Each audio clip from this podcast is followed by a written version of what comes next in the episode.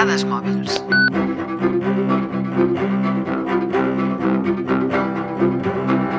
Hi ha noves empreses que surten a les notícies perquè els seus serveis criden l'atenció, o bé pel seu impacte en les lleis o en l'economia local, com per exemple Uber, BlaBlaCar o Airbnb. A la seva manera han creat certa polèmica i la seva comunitat d'usuaris eh, els veneren i utilitzen els seus serveis de forma habitual. Són empreses innovadores, eh, diem d'elles i escoltem que es diu d'elles.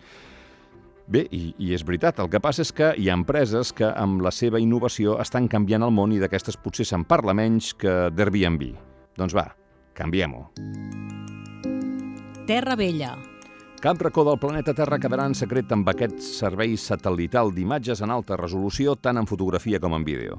Diu que és l'empresa més avançada del món en aquest aspecte, l'ha comprat Google.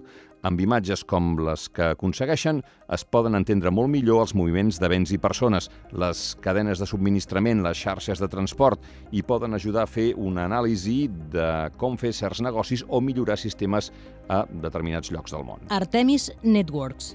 Cada vegada està més proper el dia en què no ens haurem de preocupar pel senyal de wifi per tal de connectar-nos a la xarxa. Tot i que pugui semblar un somni fet realitat, és un projecte ben real i no trigarà en arribar.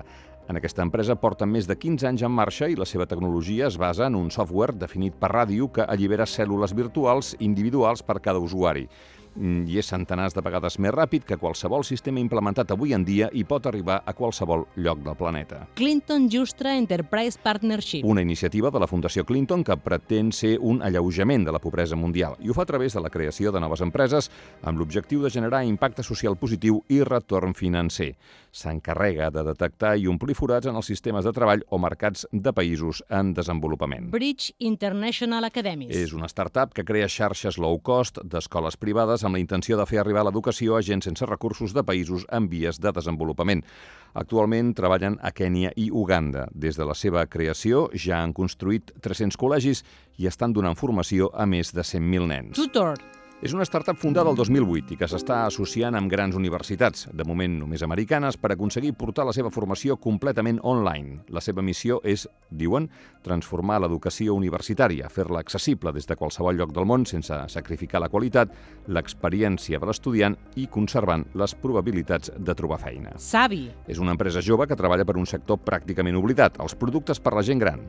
Savi dissenya productes elegants i originals per objectes que habitualment són grisos, lletjos, capses per les pastilles, bastons, mobles de bany adaptats, barres de subjecció i molt més. Immunity Project. El principal objectiu d'aquesta empresa és l'obtenció de diners per la investigació de la vacuna contra la sida, en concret pels primers assajos amb humans.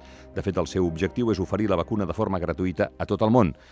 Donar suport econòmicament la ciència i la medicina en crowdfunding és una nova perspectiva i el seu objectiu certament és més honorable. Icon. Va llançar al mercat l'avió A5, un vehicle amfibi que vola. És ultralleuger i va per carretera.